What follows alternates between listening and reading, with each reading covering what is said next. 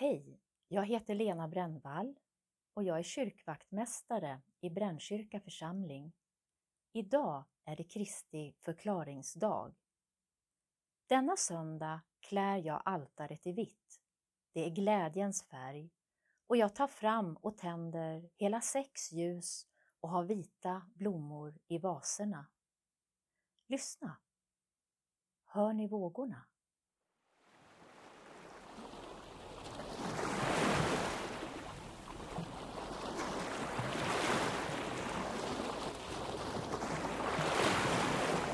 Tittade nyfiket på den stora tv-skärmen.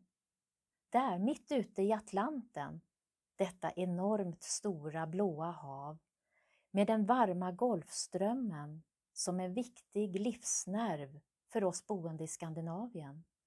Där reser sig den portugisiska ögruppen Azorerna.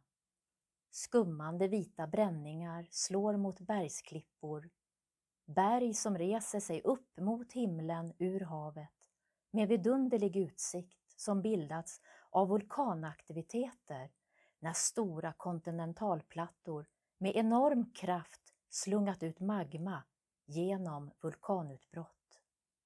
Som genom årtusenden blivit beklätt av grönska, befolkats av fåglar, insekter och människan. Idag känt bland annat för ananasodling vackra kratersjöar och en unik flora och fauna. Kanske var det reslusten i mig som fick mig att nästan tappa andan. Att drömma sig iväg är vi nog många som har gjort den här sommaren. Resplaner som tyvärr blivit inställda, krossade drömmar, släktingar och vänner som inte gått att fysiskt besöka, en sorg att inte kunna träffas, avsked som blivit smärtsamma. Vad händer med oss när vi å ena sidan förstår att det är nödvändigt att lägga semesterplaner och önskningar på hyllan som är märkt med kanske en annan gång, kanske nästa år, kanske aldrig. Å andra sidan viljan att göra så mycket tillsammans. När bilder på en grön ö med vackra berg får tankar och känslor att bli överväldigande. För den här sommaren blev lite annorlunda. Jag läser söndagens evangelietext som är hämtad från Lukas evangeliet kapitel 9, vers 28 till 36. Ungefär en vecka senare tog Jesus med sig Petrus och Johannes och Jakob och gick upp på berget för att be. Medan han bad förvandlades hans ansikte och hans kläder blev vita och lysande. Och två män samtalade med honom. Det var Mose och Elia som visade sig i härlighet och de talade om hans uttåg ur världen som han skulle fullborda i Jerusalem. Petrus och de andra hade fallit i djup sömn men vaknade och såg hans härlighet och de båda männen som stod tillsammans med honom. När dessa skulle lämna honom sade Petrus till Jesus, Mästare, det är bra att vi är med. Låt oss göra tre hyddor, en för dig, en för Mose och en för Elia. Han visste inte vad han sade. Medan han ännu talade kom ett moln och sänkte sig över dem. Och när det försvann i molnet blev lärjungarna förskräckta. En röst hördes ur molnet. Detta är min son, den utvalde. Lyssna till honom. Och när rösten ljöd stod Jesus där ensam. Lärjungarna teg om vad de hade sett och vid den tiden berättade de ingenting för någon. Det är nu nästan sex månader sedan vi möttes av de första stora tidningsrubrikerna om coronaviruset. Först overkligt, något långt borta, obegripligt, men sedan allt närmare och närmare och mer konkret restriktioner, ändrade resmål. För när det bara var rubriker kändes allt bara så overkligt. Overkligt måste också ha tätt sig när Jesus tar med sig tre lärjungar upp på ett berg för att be, för där händer något.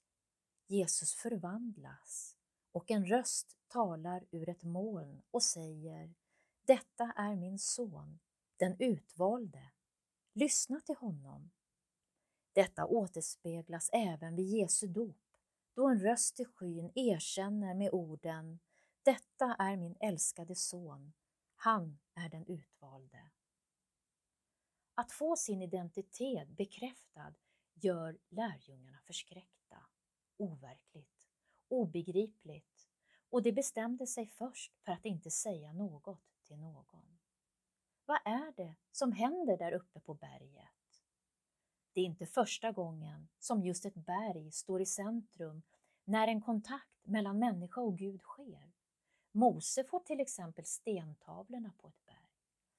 Petrus vill bygga hyddor, men kommer få uppdraget från Jesus att bygga sin världsvida kyrka symboliskt på en klippa. Kristi förklaringsdag visar vem Kristus är. Och det är Gud själv som vittnar om detta. Det är den treeniga guden som står i fokus. Tidigare hade Mose kommit med lagen. Elia representerar profeterna och dessa till stöd för Kristus. Det är Gud Fader själv som talar ur skyn. Sonen, mannen, människan som ber och den helige Ande som svävar och beskyddar. Kristus förklarad, inte fullt ut begriplig, men avslöjad i en positiv bemärkelse. Jag citerar Luther från hans kyrkoprostilla. Ty vi tillber inte tre gudar utan en enda Gud. Dock erkänner vi och ärar vi denne ende guden sådan han själv uppenbarat sig. Gud, Fadern, låte oss genom sin heliga Ande för sin älskade Sons, vår Frälsares, Jesu Kristi skull, bli fasta i denna tro, trots allt vad som kan resa sig upp däremot. Amen. Nu ska vi tillsammans få sjunga psalm 237, verserna 2 och 4.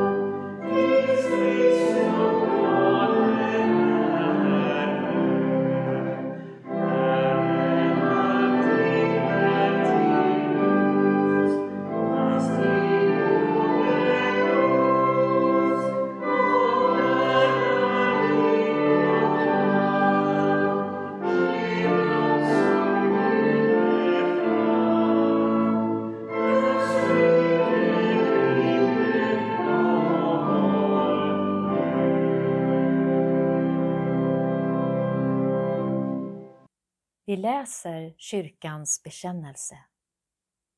Vi tror på Gud Fader allsmäktig, himmelens och jordens skapare. Vi tror också på Jesus Kristus, hans enfödde Son, vår Herre, vilken är avlad av den helige Ande, född av jungfrun Maria, pinad under Pontius Pilatus, korsfäst, död och begraven, nederstigen till dödsriket, på tredje dagen uppstånden igen ifrån de döda, uppstigen till himmelen, sittande på allsmäktig Gud Faders högra sida, därifrån igenkommande till att döma levande och döda. Vi tror också på den helige Ande, en helig allmännelig kyrka, det heliga samfund, syndernas förlåtelse, de dödas uppståndelse och ett evigt liv. Låt oss be välsignelsen tillsammans. Herren välsigne oss och bevare oss. Herren låte sitt ansikte lysa över oss och vare oss nådig. Herren vände sitt ansikte till oss och give oss frid. I Faderns, Sonens och den helige Andes namn. Amen.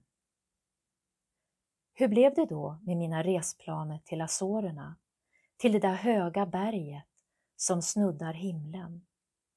Givetvis kommer jag åka dit. Jag vet inte bara när eller ens hur.